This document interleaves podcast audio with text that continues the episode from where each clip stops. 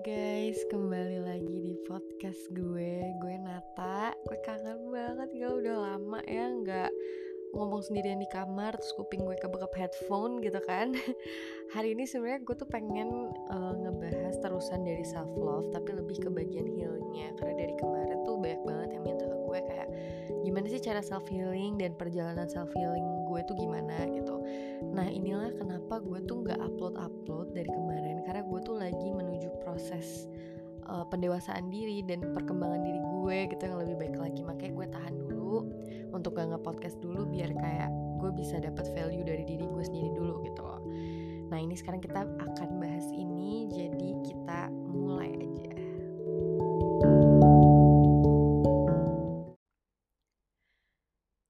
kalau kalian udah dengar podcast pertama gue yang self love, itu kalian pasti tahu juga kan kalau gue tuh sempat mention gue lagi konseling. Nah, singkat cerita bulan lalu full itu gue tuh nggak konseling karena gue tuh pengen nge-challenge diri gue sendiri gitu. Untuk bisa ngelewatin rintangan-rintangan hidup gue di bulan itu. Jujur berkali-kali gue udah kayak rasa pengen kontak aja tuh konselor gue gitu kan.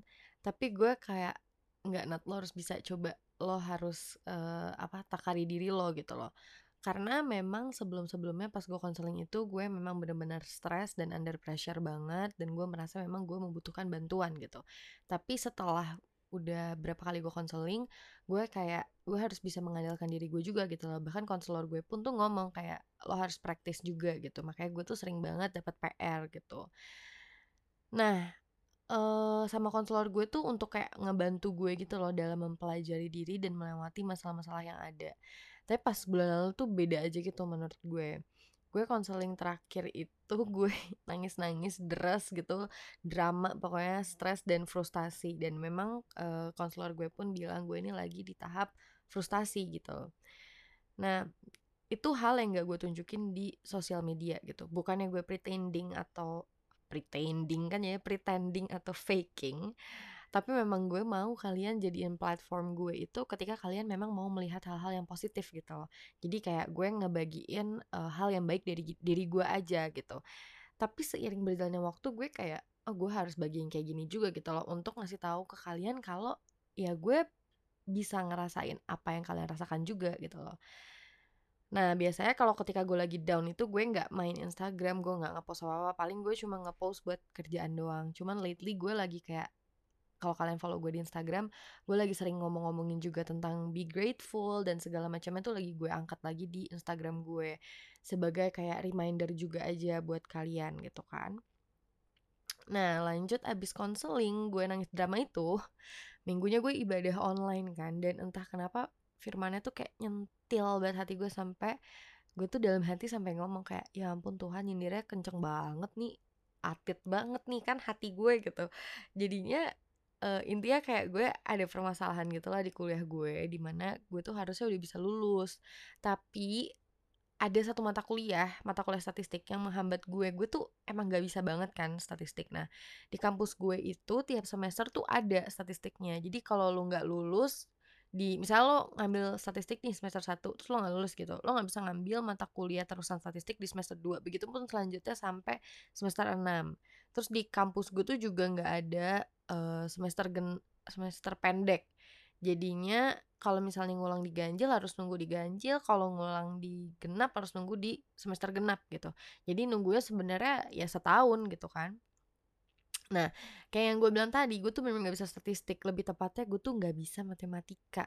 Sampai akhirnya gue tuh kesel sendiri kayak, aduh sumpah nih pelajaran tuh menghambat gue banget. Sedangkan matkul psikologi gue, matkul jurusan gue kan ada penjurusannya kan di psikologi. Gue milih sosial. Itu tuh gue lulus-lulus aja dan semua nilainya tuh sangat memuaskan gitu loh. Jadi gue tuh kayak kesel, aduh ini yang ngehambat gue tuh cuma statistik gitu kan akhirnya gue tuh stres dan frustasi tambah lagi banyak deal kerjaan belum lagi kehidupan gue dan segala macamnya makanya gue memutuskan untuk konseling uh, terus gitu. Nah di firman pas gue ibadah itu uh, ngebahas mengenai kalau kita itu jadi manusia kalau ada masalah dan lain-lain pilihannya tuh ya ada di kita. Lo mau apa nggak mau gitu loh bukan bisa dan nggak bisa. Nah benar-benar di situ gue kayak yang ouch gitu kan. Kayak terus udah gitu pendetanya bilang lagi kalau kita tuh harus peka sama jalan yang Tuhan udah kasih gitu loh. Jangan selfish kayak kok dikasihnya ini sih? Kan gue maunya ini gitu loh. Padahal kan ya yang tahu jalannya siapa itu kan Tuhan juga gitu kan selain kita sendiri gitu ya. Pokoknya begitu dengar itu gue langsung kayak jelek banget jelek mampus gitu. Kayak Hah, disindir rasanya tidak pernah sesakit ini gitu. Terus gue tuh langsung flashback kayak oh iya ya gue tuh bukan nggak bisa tapi gue tuh nggak mau gitu loh karena gue nggak suka sama matkulnya. Jadi effort yang gue kasih yang gue keluarin itu tuh nggak sebanding gitu loh makanya gue tuh nggak lulus gak lulus terus di mata kuliah itu. Nah dari situ juga awal mula self healing gue tuh semakin kuat. Kalau kalian follow gue di Instagram pasti kalian tahu deh gue ada waktu untuk self healing biasanya tuh dua minggu sekali gitu kan. Cuma kali ini gue bener-bener targetin kalau bisa sih setiap hari gitu gue tenangin diri dan ambil waktu untuk resapi firman itu juga. Baru next morningnya gue mulai set up beberapa PR gue untuk bantu self healing gue. Setiap hari gue tuh ada self healing jadinya di bulan kemarin itu. Dan itu ganti-ganti. Ada yang art ada yang journaling ada yang ngurusin tanaman. Dan semuanya tuh ada artinya. Malah menurut gue emang apa yang kita lakuin tuh ada artinya tanpa lo sadar gitu Nah itu nanti gue bakalan bahas lebih lanjut sih Kayak gue pengen bikin videonya aja di IGTV Biar kayak kalian bener-bener tahu prosesnya dan segala macamnya. Nah intinya sampai akhirnya gue cobalah belajar main golf ya kan? Sosokan aja dulu say. Golf tuh olahraga yang menurut gue seru Tapi susah banget sumpah. Karena kalau misalnya lo gagal Lo gak bisa nyalain siapa-siapa selain diri lo sendiri gitu loh. Nah justru di situlah di mana gue mulai melihat sesuatu tuh berbeda gitu. Ketika gue mukul itu tuh kan ada strateginya ya. Nah ketika gue gagal ya gue masih punya banyak bola nih di depan gue. Jadi gue masih bisa mukul-mukul lagi dan benerin uh, gaya gue cara gue mukul gitu dan bisa latihan lagi. Pokoknya pas awal-awal sampai sekarang pun gue main golf ya gue masih latihan juga masih bareng coach juga itu tuh gue belajar kayak gila lu cuma bisa ngandelin diri lo sendiri gitu loh. Kalau lo gagal ya tenang aja masih ada bola di depan lo gitu kan. Nah uh, ketika gue mukul itu coach gue juga bilang kayak gue tuh harus hargai pukulan gue gitu loh. Lo harus hargai effort lo dalam memukul. Dan di situ jadi titiknya kayak hmm, ini nih missing piece gue yang hilang. Jadi selama ini apa yang gue lakuin gak pernah gue hargai bukan gak pernah sih kayak jarang gue hargai gitu. Kayak gue kerja kuliah sibuk gue nggak pernah menghargai diri gue sendiri padahal diri gue tuh udah bekerja keras gitu ya. Tapi gue nggak mau ambil waktu istirahat gak mau menghargai apa yang udah badan gue lakukan gitu loh setiap harinya. Karena kalau kalian tahu gue dulu tuh sebelum ada corona ya itu gue benar-benar pagi kuliah siang kerja event gitu atau ada meeting. Terus uh, sore gue biasanya ada kelas lagi terus udah gitu mungkin malamnya bisa jadi gue ada meeting lagi. Dan habis gue meeting pun gue biasanya harus balik lagi ke kampus karena gue uh, ngurusin teater. Dan kalau sama teater tuh gue memang cinta banget sih gue cinta itu gitu. Nah singkat cerita dari menghargai itu sama juga kayak mukul bola gitu loh. Mau strategi udah semateng apa pun kalau tiba-tiba gagal harusnya kita jangan takut jangan panik gitu loh. Karena masih baik bola depan mata. Nah bola itu gue artikan sebagai peluang gitu loh. Jadi kayak peluang di depan mata lo tuh masih banyak banget gitu loh. Lo bisa coba berkali-kali lagi sampai akhirnya tuh pas gitu loh. Nah dari situ gue semakin coba untuk menghargai dan ambil sesuatu dari apa yang gue kerjakan setiap harinya. Sampai ada di titik tuh di ruang lingkup pertemanan gitu. Di mana uh, tanpa gue sadari banyak banyak banyak banyak orang-orang yang malah membuat gue tuh stuck membuat gue tuh tidak bisa bertumbuh membuat gue tuh anxious kayak gue udah jadi temen yang baik belum ya? Belum lagi kadang gue suka keseret. Kalau misalnya kayak ada permasalahan di sini gue kadang suka kepo cari tahu ya itu mah memang naluri perempuan biasanya kan dan sebagainya lah Nah, dan tanpa gue sadar apa yang beberapa orang lakukan ke gue itu juga jadi menghambat proses gue untuk berkembang. Dari situ gue belajar berani untuk kayak oke okay, gue harus kayaknya meremove orang-orang itu dari hidup gue, dari sosial media gue tanpa gue membenci mereka gitu ya. Karena uh, gini, kayak ketika gue merasa ada di lingkungan di mana kayak kayaknya nih orang menghambat gue deh kayaknya caranya menghambat gue gitu. Setiap gue mulai meli melihat kan melihat dia atau kayak mendengar suatu perbincangan yang dia omongin gitu loh gue jadinya kayak apa ya, otak gue jadi kayak full gitu loh kayak nambah beban pikiran lagi gitu loh buat gue. Dan FYI gue itu tipe orang yang tidak bisa meninggalkan suatu pertemanan. Jadi kalau misalnya gue berantem sama orang eh, kayak at the end gue bakal balik lagi gue bakalan kayak say sorry atau minta maaf eh atau baikan tiba-tiba gitu atau pura-pura nggak terjadi apa-apa gitu dan sebagai macamnya say sorry itu penting banget tapi kayak lu juga harus aware gitu loh kalau ini pertemanan mana sih yang cocok sama lo dan yang tidak cocok sama lo karena uh, setiap gue melihat atau mendengar beberapa orang tersebut bisa jadi kayak aduh gitu loh. Jadinya kayak toksik buat diri gue sendiri gitu loh. Mereka sih nggak toksik jadinya kayak gue nya yang mengtoksikan diri sendiri gitu. Nah gue mencoba berani untuk oke gue kayak harus lepasin orang-orang yang memang tidak bisa membuat gue berkembang. Bukan membenci tapi memang ada fase di mana kita harus let go aja. Gue simpel banget sih gue mikirnya kayak gitu.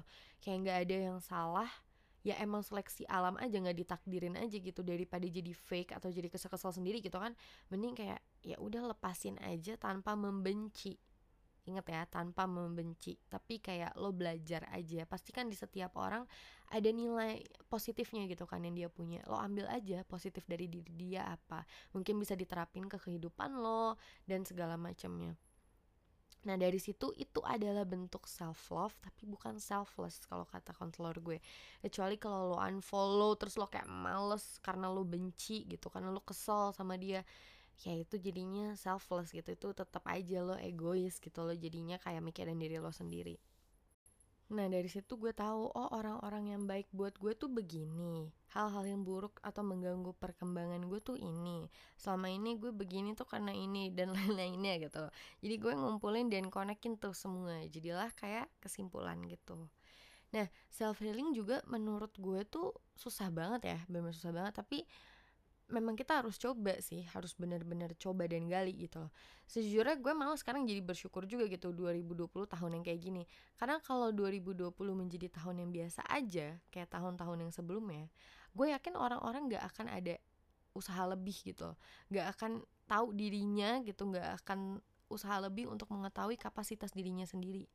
Karena menurut gue 2020 itu jadi kayak tahun di mana manusia memang dipaksa gitu loh kayak untuk berhenti sejenak dari rutinitas supaya bisa balik lagi, bisa connect lagi ke dirinya masing-masing, ke keluarga mungkin, ke Tuhan gitu, dan lain-lain gitu loh.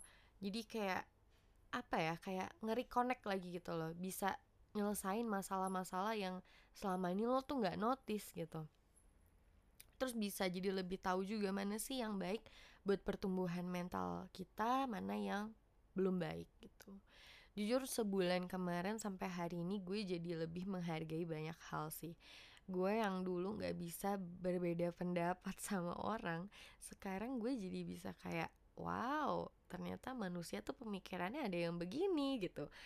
Karena kalau kata temen gue ya Sasha namanya dia tuh sering ngomong kalau uh, itu tuh the art of human. Jadi bahwa pemikiran manusia berbeda-beda tuh itulah art of human.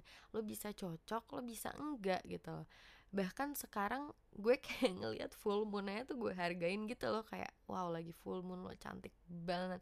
Gue kayak mau ngambil energi cantik lo deh gitu gue pengen ngeliatin lo tenang aja gitu. Jadi kayak sekarang apa yang gue lakuin tuh jadi ada meaningnya gitu loh. Nah proses orang-orang dalam self healing tuh juga beda ya. Ada yang waktunya cepet ada yang sedang ada yang butuh waktu lebih banyak lagi gitu. Tapi pasti akan sampai pada waktunya sih menurut gue. Jangan terlalu keras juga sama diri lo karena pada akhirnya lo akan cuma punya diri lo sendiri untuk bisa melewati lika-liku kehidupan gitu diri kita itu best friendnya kita bukan enemy coba mulai take time untuk diri lo sayangin diri lo coba untuk cari tahu diri lo nih gimana sih kalau menghadapi masalah dan sebagainya biar lo bisa prepare kalau memang nantinya akan ada bad day. Nah, dan harus ingat juga yang namanya bad day dan good day itu pasti ada. Cuman yang suka salah dari manusia, kalau good day lo sayang-sayangin tuh diri lo gitu kan. Tapi kalau bad day lo nyalahin diri sendiri. Nah, itu tuh yang menurut gue jangan gitu loh. Refleksi diri boleh, tapi lo nggak bisa terlalu keras terlalu keras dalam artian kayak lo jadinya kayak menyalahkan diri lo sendiri terus gitu ya jangan gitu karena lo tuh udah ngeluarin banyak tenaga banyak pikiran untuk hari-hari lo setidaknya ambil waktu lah untuk menghargai apa yang sudah lo kerjakan gitu. Bantu diri lo sendiri baru lo bisa bantu orang lain. Jangan nilai diri lo juga berdasarkan kesalahan lo di masa lalu atau yang orang bilang lo gimana pas di masa lalu lo tapi belajar untuk naikin kepala lo, tegakin badan, naikin kepala bukan sombong ya, tapi berarti maksudnya kayak tegakin kepala lo, tegakin badan lo, jalan untuk mencari sesuatu yang baru gitu loh. Yang lo pelajarin dari masa lalu. Gak usah nengok-nengok lagi karena manusia tuh menurut gue berkembang. Dan gue yakin lo semua akan berkembang menjadi manusia yang lebih baik lagi setiap harinya. Itu pasti sih menurut gue. Nah happiness itu soalnya kita yang tentuin kita yang pilih kayak mau nggak lo bahagia hari ini? Mau ada masalah apa pun ya bukannya kayak bisa nggak lo bahagia hari ini? Gitu. Karena semua itu tentang mau atau tidak mau menurut gue bukan bisa dan tidak bisa kayak firman yang gue dapet aja waktu itu. Nanti gue juga bakal buat deh video di IGTV tentang self healing gue gimana biar kalian ada gambaran gitu. Cuma gue berharap dari podcast ini kayak bisa ngebantu kalian sedikit lah ya dari pengalaman-pengalaman gue nah sama satu lagi. Ingat kita itu nggak bisa kontrol orang. Nggak bisa kontrol apa yang terjadi. Tapi kita bisa kontrol respon kita terhadap itu. Semua yang nentuin tuh diri kita sendiri kok. Makanya sebenarnya hidup tuh gampang sebenarnya. Cuman kita kadang suka bawa perasaan ribetnya but it's normal. Itulah proses. Makanya kita harus enjoy the process of our life. Menurut gue tuh seindah itu. Kayak bulan kemarin bulan paling sulit menurut gue tapi jadi yang paling bahagia juga karena gue dapat pembelajaran yang banyak banget kalau lo jatuh satu kali bangun dua kali kalau jatuh dua kali, bangunnya 20 kali. Ingat banyak ratusan bola di depan lo yang menunggu lo ambil kesempatan lagi untuk lo pukul gitu. Mau bolanya melambung deket kayak atau jauh, itulah kesempatan dan proses. Lo harus lihat, nikmatin dan hargain. Tunggu Tuhan siapin waktu buat bola lo tuh bisa melambung jauh dan sempurna gitu loh sesuai dengan keinginan keinginan kan? Sesuai dengan keinginan lo dan Tuhan yang terbaik pastinya. Gitu guys. Gitu aja sih pembahasan dari gue